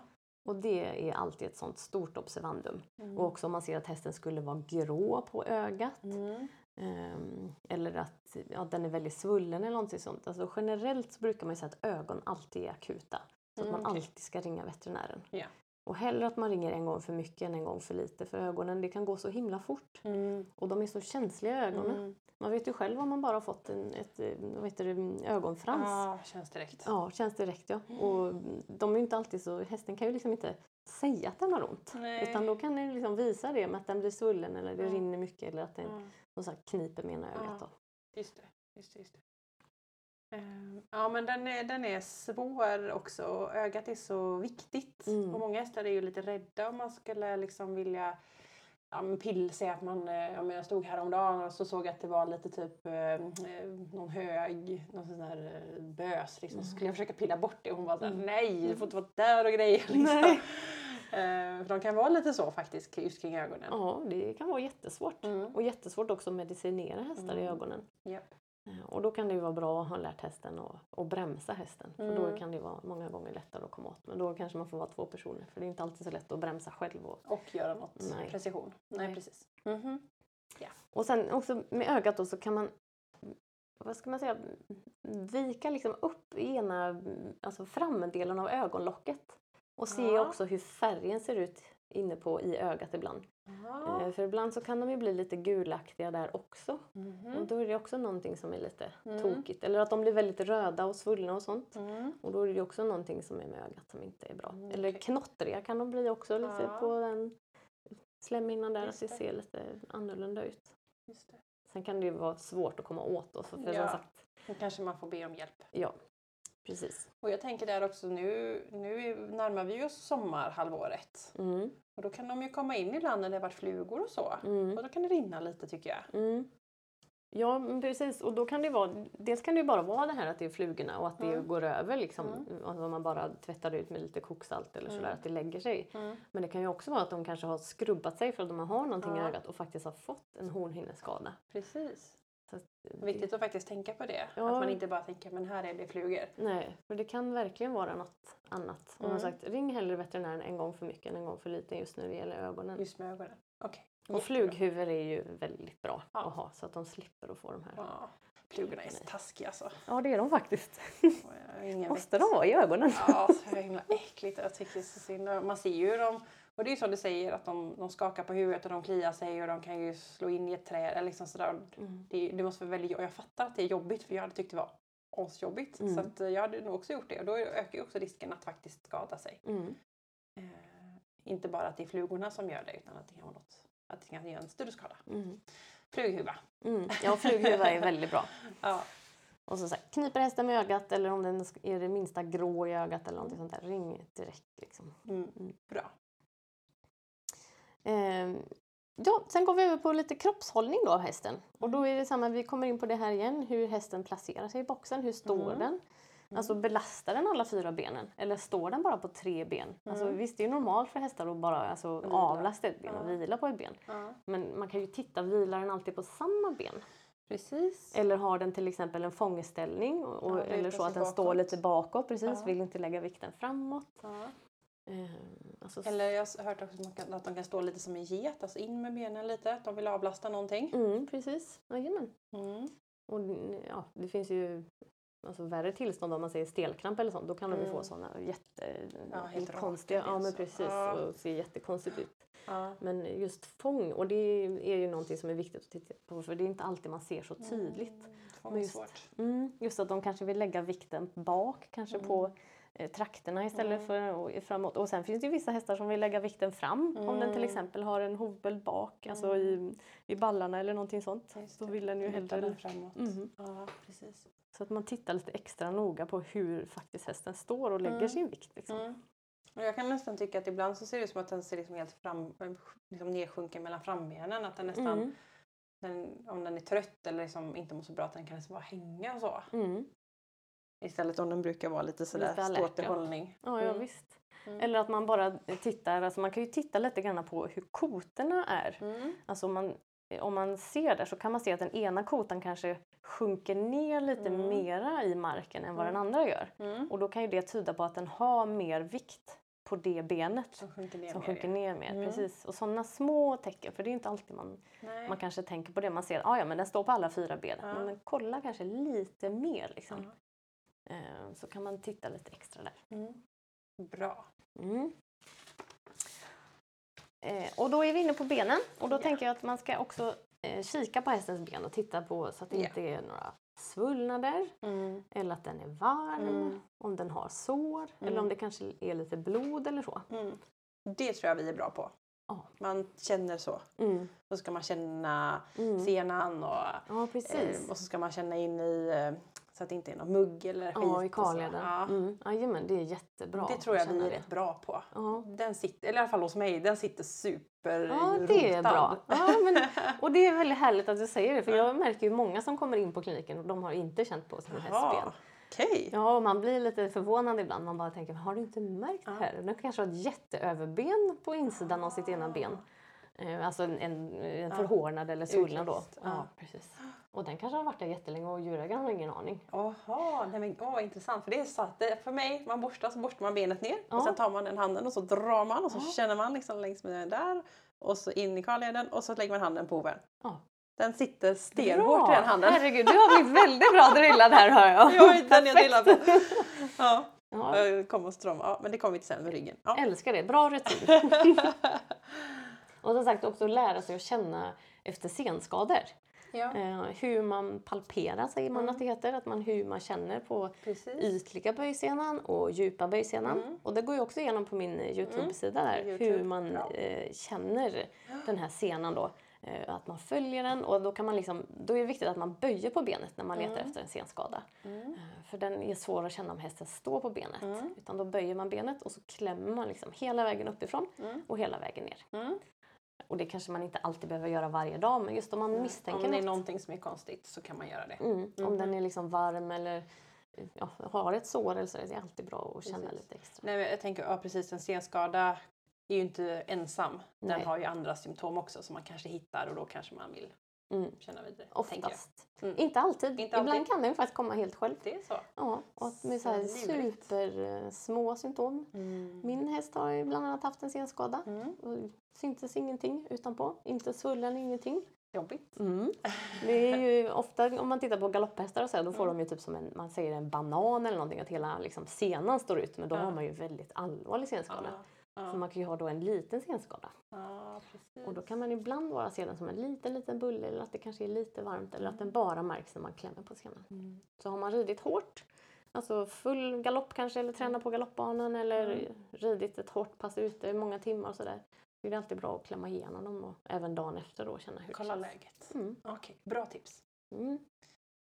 Eh, Och, och har hästen blod eller sånt så är det alltid bra att har man en rakapparat så är det bra att raka lite. Få bort lite hår runt. få bort lite hår så det är lättare att komma åt och tvätta och, och se hur det faktiskt ser ut. För någonting kan ju se väldigt, väldigt litet ut Ja, utanpå men så rakar man lite och så ser man oj det här är, det var större. ja det var större eller djupare. Ja, precis. Och sen också var det sitter någonstans. Mm. Om man har ett sår som sitter nära en led Mm. eh, så är ju det värre än om den sitter mitt på benet. Liksom. Ja, precis. Mitt på en muskel. Ja. Mm. Så att, eh, nära en led så är det, då är det alltid bra att ringa veterinären om man har ett sår där. Just det. För skulle man få en infektion där så är det väldigt tråkigt. Ja, den går in i lederna. Och så. Ja, det är inte bra. Ja, Men det är bra, till, där kan man ju tänka att man kan ha en sån liten rakapparat i stallet. Alla behöver inte ha en egen. Men Nej. att det finns en så Mm. att man kan klippa lite där det Ja. behövs. Och har man ingen rakapparat så kan man ju använda en liten vanlig sax Ja, också. klippa lite. Bara klippa lite grann. Mm. Sen beror det ju på om man har en häst med mycket hovskägg till exempel. Mm. Eller om du har en häst med väldigt lite hår. Mm. Det finns ju också så. Mm. Ja men precis, jämför fullblod, fullblod och en nordsvensk. Ja, Ganska stor skillnad. precis. Fullblodet är inte så mycket att raka på. Nej. ja. Nej, det är lite skillnad. Men det är faktiskt nu när vi ändå är inne på det här med nordsvenskar Mm. så ehm, det finns ju någonting som heter fotskabb. Just det. Det Ja. kan bli lite för mycket. Ja, och eh, det här med fotskabb, då är det många som säger ja ah, men den har mugg. Mm. Men mugg och fotskabb är inte samma sak. Okej. Utan fotskabb är ett litet djur. Mm. ehm, Det här som, känns inte bra. nej, medan mugg då är liksom bakterier och Mm. eh, svampar och sånt där som, Mm. som växer till och Mm. gör de här liksom skorporna och så. Mm. Eh, sen kan ju fotskabben ge mugg. Alltså den kan orsaka mugg. Kan jag förstå. Ja. Men mugg och fotskabb är liksom inte samma sak. Nej. Och fotskabben är lite lurig då. Mm. Så den känns ju oftast under framknät. Så precis Jaha. i vecket där hästen böjer sitt framknä. Ja. Om man känner lite under där Ja. så kan det vara liksom som lite väck in där. Ja. Och då är det ett tecken på att det kan vara fotskabb. Eller också om det är lite mjälligt där. Eller om hästen har lite krustor och sånt under där. Det kallas ju för carpus eller framknät. Och också på framsidan utav hasen, alltså Ja. om man tittar på bakbenet, på Ja. framsidan hasen så kan det också vara lite mjälligt eller lite Ja. så sådana förtjockade veck som blir där. Och då är det ett tecken på fotskabb. Och också kan de ha det i karleden, också att man känner att det blir lite veckigt. Eller att den till exempel har mugg, för det, som sagt fotskabben kan ju ge mugg. Ge mig, ja precis. Okej, och då är det ett parasitdjur. Precis. Och det är ett alltså, problem. Många kanske inte ser det som ett så stort problem, men den är ju Mm. jättesmittsam. Det är så? Ja, och Som den en får de andra det? Ja, och den är ju Mm. jättesvår att bli av med. Nej. Jo, och den är sådär tråkig. Man måste ju då raka benen på hästen. Mm. Så alla nordsvenskar, eller ja, det finns ju många, alltså långhåriga, kobbar, Ah. ardenner eller mm, de här irländarna som kommer med Ja. mycket hår. Och många blir väldigt ledsna när man får raka bort halvt Ja, håret då. Men det är ju för att komma åt och kunna behandla det här då. Mm, trevligt. Nej, det är lite jobbigt. Ja. Sen behöver man ju då behandla hela hästen och alla stallkamrater. Och sen behöver man också sanera Nej, men, oj, hela stallet. Det Och är som löss liksom. Ja men det är lite som löss fast Ja. nästan värre för lössen är mycket lättare att bli av med. Åh, är de lättare att döda än det här? Mm. För Nej. de här får du heller då inte ta in hästen på 60 dygn i stallet. Va, måste den bo ute då? Ja, Nej, så vad det är jobbigt. bra att göra det här under sommaren. Ja. Och sen också alla Shit. borstar och sånt behöver frysas. Täcken och sånt behöver ju tvättas och virkonas och sånt. Och, vad så att man, jobbigt. och behandlas så att man får ta död på de här parasiterna. Gud, vilket projekt känner jag nu. Ja, så det där kan bli ett riktigt projekt. Och också att de här hästarna har alltså, ganska ont av det här. Många gånger Ja. kan ju klåda vara mycket värre än smärta. Mm. Det kan ju vara, ja men som sagt det är inte alltid så tydligt på dem att märka att de har det. Ibland står de ju bara och stampar Mm. och ibland kan man se att de står och biter sig lite grann i benen. Mm. Lite så. Ja, eller att, de, att de, man märker att hästarna tycker att det är så skönt om man själv är där och borstar eller Ja, kliar lite grann. Att de tycker att det är liksom lite för skönt nästan. Ja, Liksom. För det stället. Ja, Ja. precis. Eller, eller liksom generellt på hela benen på de hästarna Ja. ofta då. Ja. För det är ju ofta på benen de sätter sig även om de kan finnas på hela hästen. Nej men usch, det här var jobbigt. Ja. du kryper på mig. Ja. Okej. ja, de är hemska små djur. Men de är faktiskt väldigt viktiga att behandla sin häst för det här och Ja. ta det på allvar. Liksom. Ja, precis. Eh, och också att det är en smittsam sjukdom så man behöver ju då meddela sin hovslagare eh, Ja, och gud. alla andra i stallet om man har någon medryttare och sånt. De Mm. behöver ju sanera sina kläder om man ska vara någon annanstans. Ja, just att- mycket att tänka på. Mycket Mm. att tänka på. Men håll koll på det där väcket på framsidan. Ja men det var faktiskt himla bra. Och Ja. att du beskrev det mer för jag, jag kan nästan se det framför mig att det blir för muggen blir ju så skorvig liksom. Mm. Men här lät det lite, lite annorlunda. Ja precis, ofta ser den lite, ja, framförallt som ett väck. Men som Ja. sagt det kan ju bli skorvigt och det kan ju bli mugg också. Ja. Eller att det till och med blir rasp. Att muggen går hela vägen upp på se- senan där och ända upp till carpus Ja. då. När det Okej. blir så riktigt illa. Mm. Okej, vi Mm. lämnar den nu tycker jag. Ja det gör vi. Mm. Eh, vi tar hovar istället. Ja, det känns ändå bättre. Det är torrare. torrare. Ja. Förutom strålröta ser jag står där. Den tycker jag också är lite äcklig för det luktar så... ja den är ju inte världens godaste lukt. Nej, nej. Nej. Och strålröta kan man, alltså ibland kan ju den vara lite svår att upptäcka. Mm. För ibland så är det så att man får nästan sära på strålen uppe. Mm. Att den har liksom blivit som ett ganska så djupt veck Ja. i strålen. Så Ja. var noga där när man kratsar hovarna. Mm. Och också kan man ta med sitt finger och lukta. Mm. Luktar det konstigt så är, kan det vara bra att behandla det där. Precis. Och Precis. det finns ju enkla metoder, alltså bara ta lite kärdrev och sånt Ja. och, och behandla med. Precis. Jag vet att vi hade det någon gång, det var många år sedan nu, men då var det den här blåa grejen man skulle ha. Mm, så- Kopparsulfat kanske. Ja, så fick man det på fingrarna så var man blå en vecka sen. Ja, ja, det kanske var den här lila sprayen. Den Ja, det finns var ju också. Ja. Det var, något sånt, det var bara såhär, man bara, nej! Fick man leva med det. Ja, det var en parentes. Okej, så okej, hovarna, Mm. Värme pratade vi om. Vi har pratat om puls, Mm. att vi har alla skor på om man har skor. Ja precis, för man kan ju också tappa en sko ibland och då kan det också vara bra att kanske ja, men ringa sin hovslagare. Och har man möjlighet, alltså jag har ju faktiskt plastgips hemma. Så att för min häst han frasar upp sina hovar direkt om han tappar en sko. Just det. Och så går, om man går på det då så blir det... Mm. Så blir det ett jätteprojekt för hovslagaren sen att att ta tag i det där. Så jag har faktiskt plastgips hemma. Eh, och extra handskar då för den ska man ju inte ta i. Nej. Och då doppar man ju den i vatten och så lägger man om den på hoven. Så då kan han ha jag lägger den bara liksom runt, typ som en ringsko fast upp över. Eh, och då håller den in. Så att det skyddar kanten typ. Ja, den skyddar kanten precis. För det är där det För det är där frasar. han ofta fläker sig. Ja, jag fattar.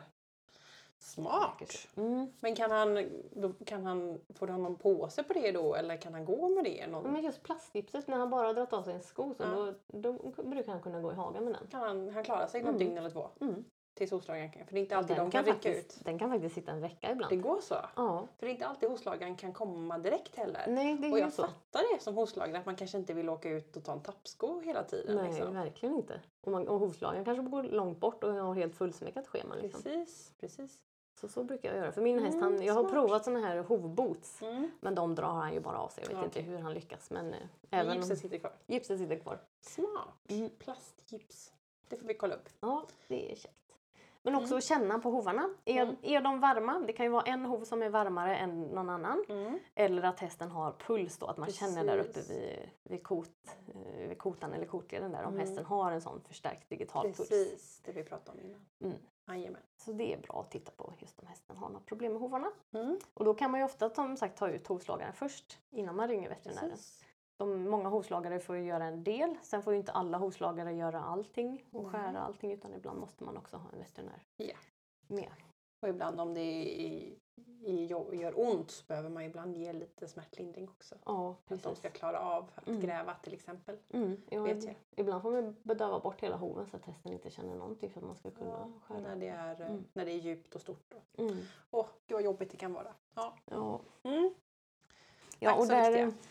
Kanske jag bara ska lägga in ett litet... Mm. eh, Så, om, om man misstänker då att hästen har en hovböld Mm. så är det jättebra att lägga sånt våtvärmande omslag. Mm, och då har jag ju precis. min favorit. Det, fin- det heter Animalintex. Mhm. kan man köpa på Högs till exempel. Mm. Eller vi har det nere på vår station också, man kan köpa det där. Mm. Ehm, vad ska man säga, det ser ut som ett litet ark av lite, lite hårdare bomull kan man nästan säga. Och den är lite mm, som en plastfilm nästan på andra sidan. Och plastfilmen ska vara utåt då, den andra Mm. delen Ska upp mot, mot mot hoven. Ja. Och den tar man då och lägger i sånt varmt bad. Alltså så att den Varmt blir, vatten? Ja, varmt vatten precis. Mhm. Eller ljummet eller lite mer än ljummet. Mm. Ehm, Så att det håller lite. och sen så lindar man om den då runt hoven och låter den sitta till dagen efter. Och har man tur då så kan den ju faktiskt hjälpa till att dra ur hovbölden. Så att man inte behöver ringa in, ut sin hovslagare. Ser man det då att det liksom har... Mm, ja, då brukar det komma ut antingen som lite, ibland kan det komma gult Ja. eller ofta så kommer det faktiskt ut som svart. Ja. Men att man kan känna på lukten, att det luktar väldigt Så illa. när man liksom. öppnar bandaget och luktar illa så ser man att det är lite någon annan färg. Ja, än precis. innan. På något ställe. Sen är, kan det ju vara såklart svårt att tvätta hoven helt ren så ibland så kan det ju vara svart av grus och sådana där Ja. saker också. Liksom. Ja, så kan det vara. Men man brukar känna på lukten att det är någonting som har gått ut. Och också framförallt att man ser att hästen är in, inte halt dagen efter. Mm. Vad hette det? Säg det en gång till. Animalintex. Animalintex. Den är bra att ha. Mm. Mm. En blåvit förpackning som Mm. finns som sagt på Högs. Ehm, eh, sen ska vi gå in på ryggen. Mm. Och där är ju faktiskt bra som du säger. Du hade det som rutin Mm. när du visiterar hästen och känna på hästens rygg. Mm. Eh, Och Den ligger våga. också så. Ja. ja men precis, att man går över och känner liksom på hästens rygg. Våga klämma och känna. Var Mm. inte rädd för att trycka lite på ryggen. Nej, alltså, ju. Den ska klara det. den ska klara det, ja, precis. Den har ju ändå en sadel och hela våran tyngd på Precis. sig. Liksom. Min hand kan ju aldrig skapa så mycket som jag gör när jag sitter på. Nej, verkligen inte liksom. Ja. Så att våga klämma och känna lite hur hästen verkligen känns över Mm. ryggen. Mm. Och där finns ju, om man har en häst som har problem med ryggen så kan man ju till exempel använda sig av sån här renskinn. Mm. För de är bra att lägga under för då blir det liksom lite som en luftspalt eller så. Mm. Eh, så många hästar som har ont i ryggen eller så. Lite. Du får hjälp av den. Ja, man kan få hjälp av det. Om det nu inte är något som är problem, alltså att veterinären Mm. behöver dit och hjälpa till med Nej, någonting. precis. Så har man uteslutit sådana saker så kan det ju vara... Mm. De är olika känsliga också, Mm. tänker jag. Men om man känner liksom så här då och så om hästen liksom har ont, hur, hur märks det? Ofta så mm, kan den ju sjunka på Att ryggen. Ja. Ja. precis. Eller att den spänner upp sig väldigt mycket. Mm. Och ofta så kan man också känna att musklerna är väldigt hårda. Mm. Eller att hästen piskar med svansen Mm. eller till och med sparkas när man ska klämma där huvudet uppe. liksom Liksom. slår med huvudet och Mm. arg. Okej. Att den inte vill det. Liksom. Ah, okej. Då är det bra att kolla upp. Mm. Och, Mm. Alltså, det man kan börja med själv det är ju bara att massera lite. Alltså- Kanske lite liniment. Ja, lite liniment kan man använda. Jag är ju väldigt förtjust i något som heter arnika-liniment. Mm. Ehm, och alltså massera in och se om det hjälper om hästen blir bättre i ryggen. Mm. Så man kanske inte, bara för att hästen har lite ont i ryggen kanske man inte behöver ringa veterinären direkt. Nej, precis. Men om det inte försvinner Mm. eller om man har andra problem, till exempel att hästen har, verkar tycka det är jobbigt att bli sadlad Mm. eller om den stegrar sig och håller på så Mm. kan ju det vara också ett tecken på att hästen har ont i ryggen. Mm, precis. Och Där kan man också tänka så här att nu, nu har vi lämnat vintersäsongen men det känns så lätt att ha sträckt sig lite eller att det har hänt något i hagen eller att man har stått still hela dagen för att det har varit kallt och regnigt och att det är också lite dagsform kanske. Mm. Ja men absolut. Mm. Mm. Okej.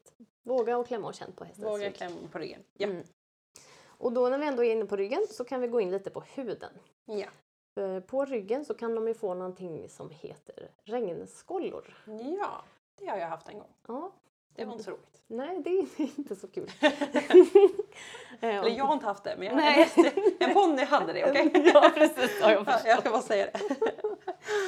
Men, och de är, har ju ganska så karaktäristiskt utseende för ofta så blir det Mm. nästan som att, man, att de lossar liksom som små penslar Mm. eh, när man lossar på de här små hudkrusterna. Då, liksom. Mm. Och det är väldigt typiskt för just regnskålor. Mm. Eh, Och de kan göra ganska så ont. Mm. Mm. Eh, Men det är inte alltid det ser ut så. Ibland kan de ha det nere på rumpan till exempel Mm. eller någonstans på magen. Eller, Mm. Så det behöver inte alltid se ut som de här typiska regnskålorna. Mm. Och vill man verkligen veta om det är det eller inte så får man ju ta ett sånt här prov då. Just det. Sånt. Odla. Odla precis och se Ja. om vad, vad det är för någonting. Mm. Och där måste ju veterinären hjälpa till. Ja precis. Och behandla. Det finns Mm. olika behandlingsmetoder och sånt. Sen kan man också behandla det med äppelcidervinäger. Mm. Finns att köpa på fem liters dunk. Ja. Man kan tvätta hästen med. ja, trevligt. Mm, för då ändrar den pH där och det gillar inte regnskålarna. Precis, precis. En känslig mot det. Mm. Mhm. Men det kan ju också göra ganska så ont och ibland kan Mm. de ju få sekundära problem, alltså Ja. andra problem av de här regnskålarna Ja. med riktiga hudinfektioner och sånt. Så Ja. ofta så kan det vara bra att ringa veterinären ändå om man har mycket problem precis. med Så det. det kan ju vara om man upptäcker det i början, om man känner igen det. Man Mm. kan, eller om det har gått lite längre. Mm. Mhm. Och, och sen kan de ju också få eh, ja, men, kala fläckar och så. Eh, och det kan ju vara, ja men dels kan det ju vara skav Mm. helt enkelt ifrån någon utrustning eller så. Mm. Det kan ju också vara ringorm Mm. till exempel och den smittar ju även till oss människor. Ja, visst. Det har jag haft två Mm. gånger. Ja, vi hade en häststallet som hade ringorm så då var vi jäkligt noga med att tvätta kläder och grejer. Och Mm. Ja, Jag vet att det kan gå ibland på så här solarium och sånt på gym. Mhm. Då, där har folk fått ringorm Mm. för att det smittar Ja, väldigt mycket det mellan smittar varandra. väldigt, väldigt Mm. lätt. Mm. Mm. Så om du ska sola, gör rent innan. Ja precis, ja, det är bra tips. Ja. Nu har jag ju fått det av, ja, men av två olika hästar. Av hästar då? Ja, smittats. Det var inte att sola då emellan? Nej. det var tur. Inte så ofta, jag kanske borde. Ja, när du väl har det kan du lika gärna... Ja. jag skojar bara. Ja. Ja. Nej, men och hästar kan ju också få andra hudproblem, till exempel eksem. Mm. Sommarexem är ju väldigt vanligt. ja. Eh, Men det finns ju andra typer av eksem och Mm. allergier och sånt också. Ja. Och där finns det ju faktiskt ganska mycket man kan göra idag med just om de har allergier. Man kan Mm. ju till exempel hyposensibilisera sina hästar. Mm. Alltså man ger dem ett typ av vaccin då Mm. med just det ämnet som hästen är känslig för. Mm. Men då får man ju göra lite olika saker innan då. Blodprover och det är också Just något det. som kallas för pricktest. Mm. När man injicerar då under huden små, små mängder Just utav de det. här. För att se vilken. Det gör man ju på människor också. Mm, precis. Pricktester. Mm. Pricktest, jajamän. Och det gör man på häst också. Mm. Eh, Så det finns mycket hjälp som man kan få med sådana där problem. Det är bra. Mm. Eh, vidare på huden så har vi ju då om hästen har sår i mungiporna. Mm. Och, och det där ska man faktiskt ta på allvar. Mm. För det där kan bli jätteproblem. Mm. Mycket bakterier i munnen. Ja, mycket bakterier också att det kan bli kroniska sår. Alltså att det blir kroniska förändringar Mm. Svårt just i, ja, svårt att läka och att det kan ta år att läka om de får sådana där problem med de här veckorna i mungiporna. Så, och det finns också hästar som är allergiska till exempel mot gummit eller om det är någon särskild metall eller så Ja. att de inte tål de här metallerna. Ja, Men oftast att de har sår i mungiporna det är ju faktiskt för att man är för hård i handen som ryttare. Eller att man har satt fel bett. Eller att man har satt bettet för hårt. Mm. Eller att det är Handhavande som är- fel. Ja, handhavande fel, Mm. precis. Jag förstår. Eh, Så det är väldigt viktigt att ha koll på. Det är inte alltid de här såren syns utifrån. Mm. Utan ibland så får man faktiskt stoppa in fingret i Mm. mungipan och känna inuti liksom, om hästen, för det börjar ju ofta med att den blir lite förtjockad och hård i Mm. mungipan innan det blir sår. Så att man kan liksom stoppa in fingrarna där och känna liksom hur det känns på sin Mm. egen häst. Viktigt. Och har den då sår i mungiporna, använd inte bett. Nej. Utan rid utan bett. Ja. Och har man en häst som är väldigt svår att rida utan bett, Mm. men då kanske man behöver ta hjälp av sin tränare Mm. för att lära sig och sin Mm. häst att rida utan bett. Precis. För det går ju faktiskt. Ja. Och det finns ju flera olika typer av bettlösa träns. Jajamän. Hackamore och inom västen så använder man ju, jag rider mycket med något som heter bosal. Just det. Eh, och det finns ju också eh, side pull och sånt. De är ju Mm. lite lättare för att lära hästarna att svänga och sånt där. Så Ja. det finns ju många Precis. verktyg som man kan hjälpa. Och det kanske kan vara tips att egentligen lära in att rida bettlöst innan det blir ett Mm. sår. För jag, jag kommer ihåg när jag var väldigt ung, eh, min första ponny, då sa tandläkaren till mig att du måste kunna rida bettlöst. Mm. Och då sa jag, det har jag aldrig gjort. Mm. Då var jag väl typ 12, 13 kanske. Mm. Och då, eh, då sa han, men ta ett träns och så Mm. tar du bort allting så att Mm. du bara har typ sidostyckena. Så sätter du på att du har ett bett i munnen Mm. och sen sätter du på, då hade jag ett, hack, ett ponnyhack. Mm. Mm. Och så har du det utanpå. Mm.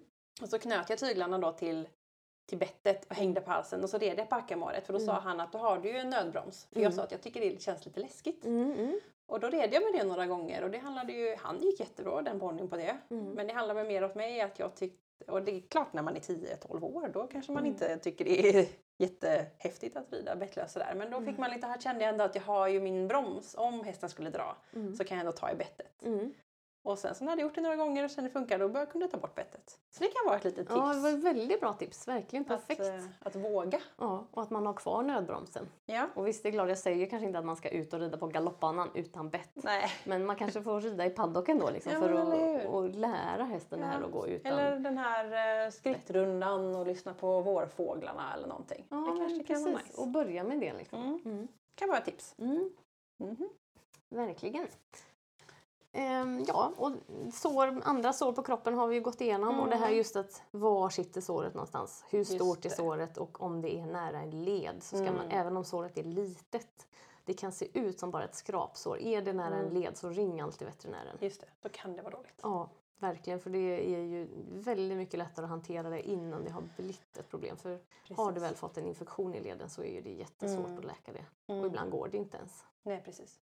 Och idag har vi ju kommit så långt med tekniken. Man kan skicka bilder och videos Mm. och sådär så att veterinären kan antar jag ofta ganska se fort om Ja. det är dåligt eller inte. Ja, ofta kan man ju det. Sen Mm. är det inte alltid helt lätt att Nej, avgöra saker på en bild.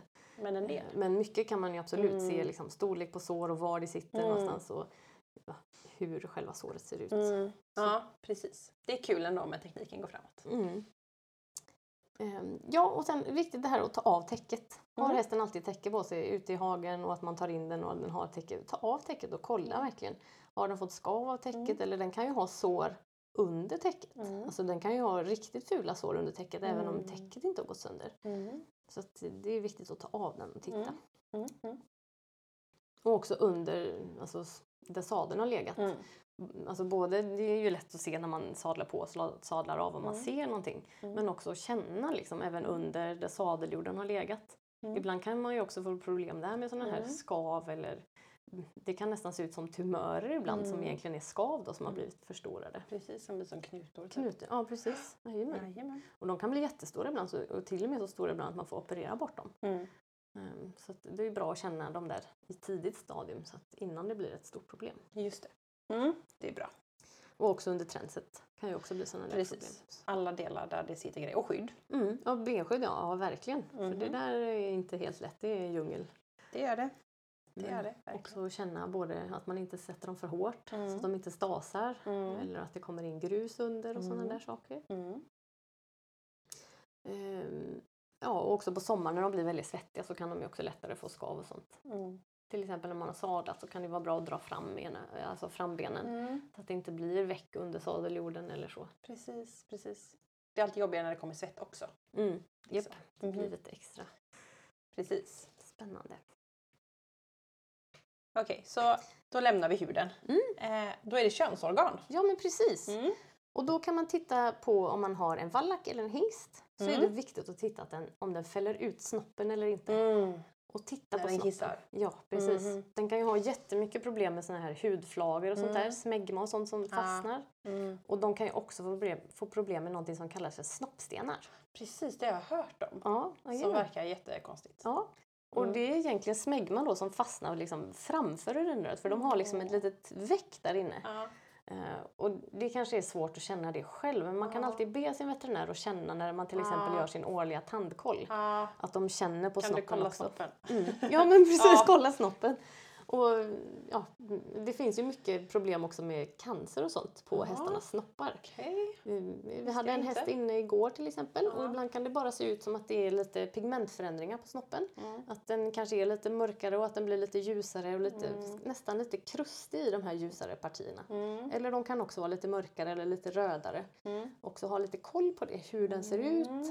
Mm. Eh, Passa på att titta Ja, passa på att titta och och se förändringar då. ja, se förändringar. Och sen ibland kan det ju bli stora knölar. Alltså den Mm. värsta hästen jag sett, då kom den in, alltså det såg ut som en blomkål. Alltså en Shit. fotboll liksom på Nej. snoppen liksom.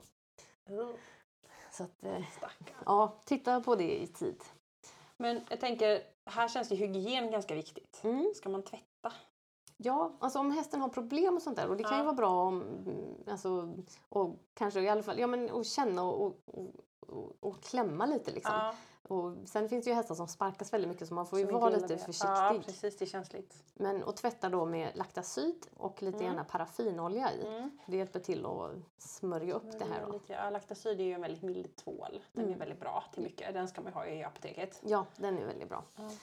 Eh, Och som sagt, har man problem eller tycker man att det är svårt så kan man ju alltid be sin veterinär att göra det första gången så att man Mm. ser Och hjälpa lite. hur det verkar. Men om det, för jag har ju sett att det har varit så här, typ lite flagigt eller gula grejer Mm. så här. Det, det är ju inte normalt.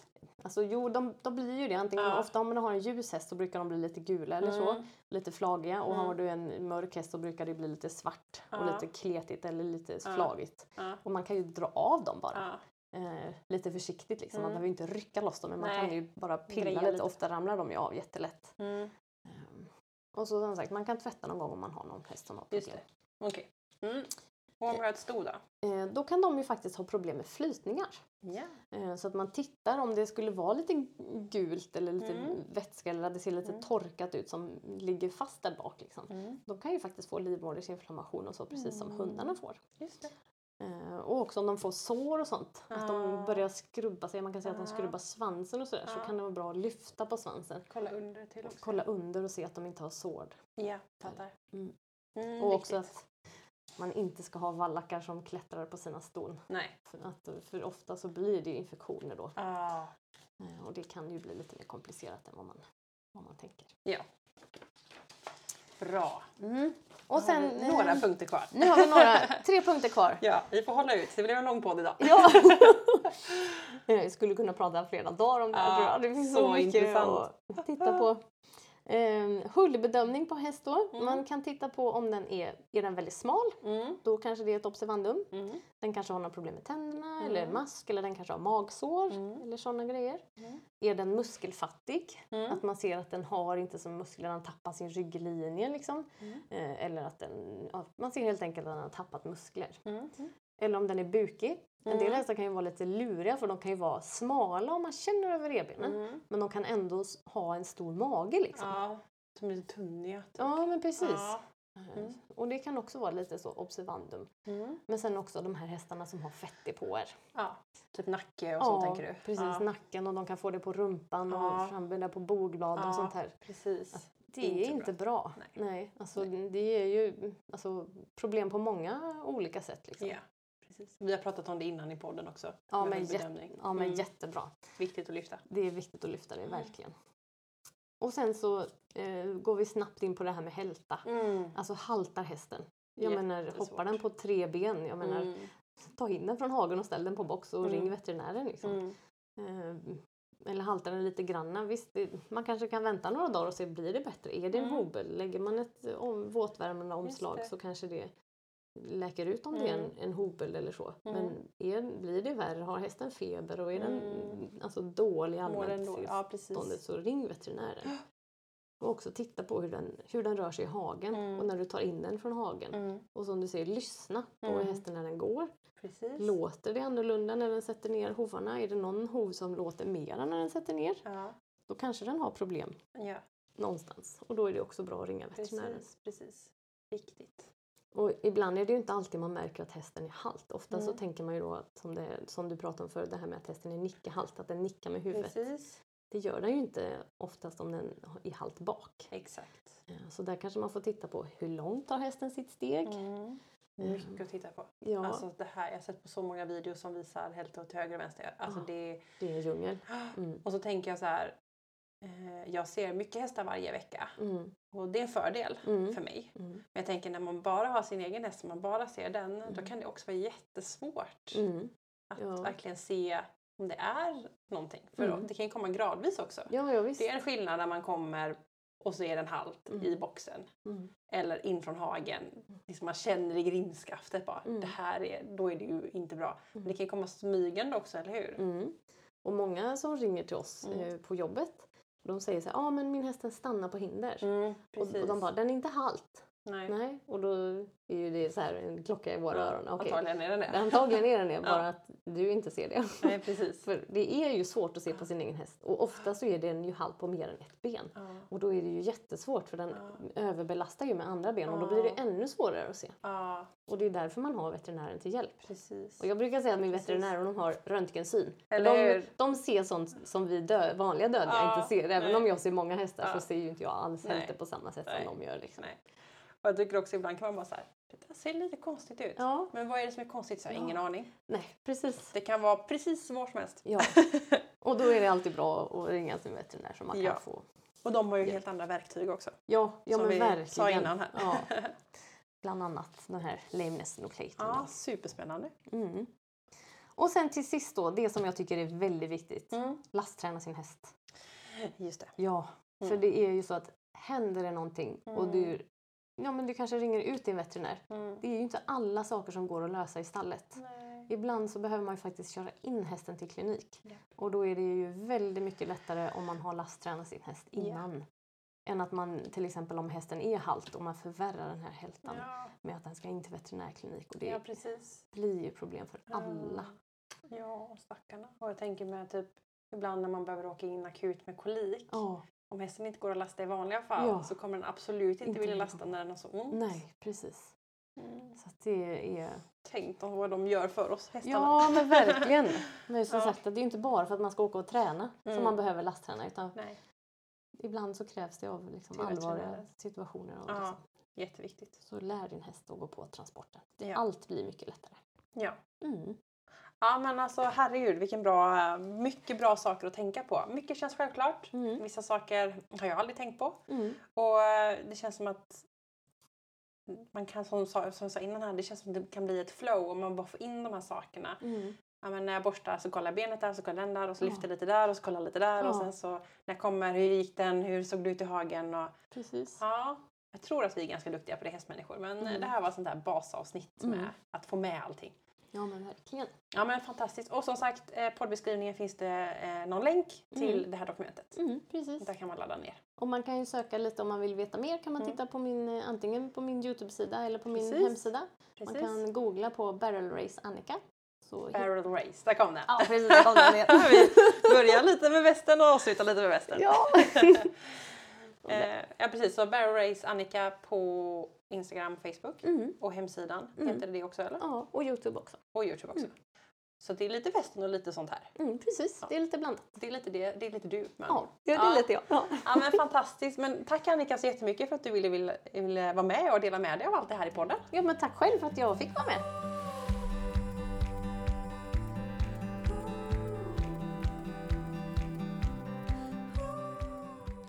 Ja, vilket bra avsnitt. Verkligen sådana här grundgrejer som man behöver tänka på varje dag. Stort tack Annika för att du vill vara med i podden och dela med dig av sån här viktig kunskap.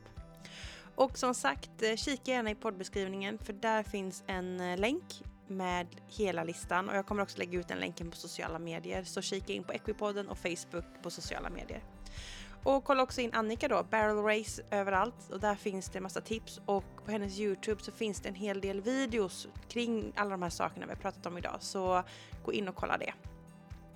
Nästa vecka då är det work in equitation som gäller för att jag ska träffa en som är superduktig på det. Så ja, nästa vecka VE helt enkelt. Och fram till dess får jag önska dig en härlig vecka så hörs vi snart igen. Hejdå!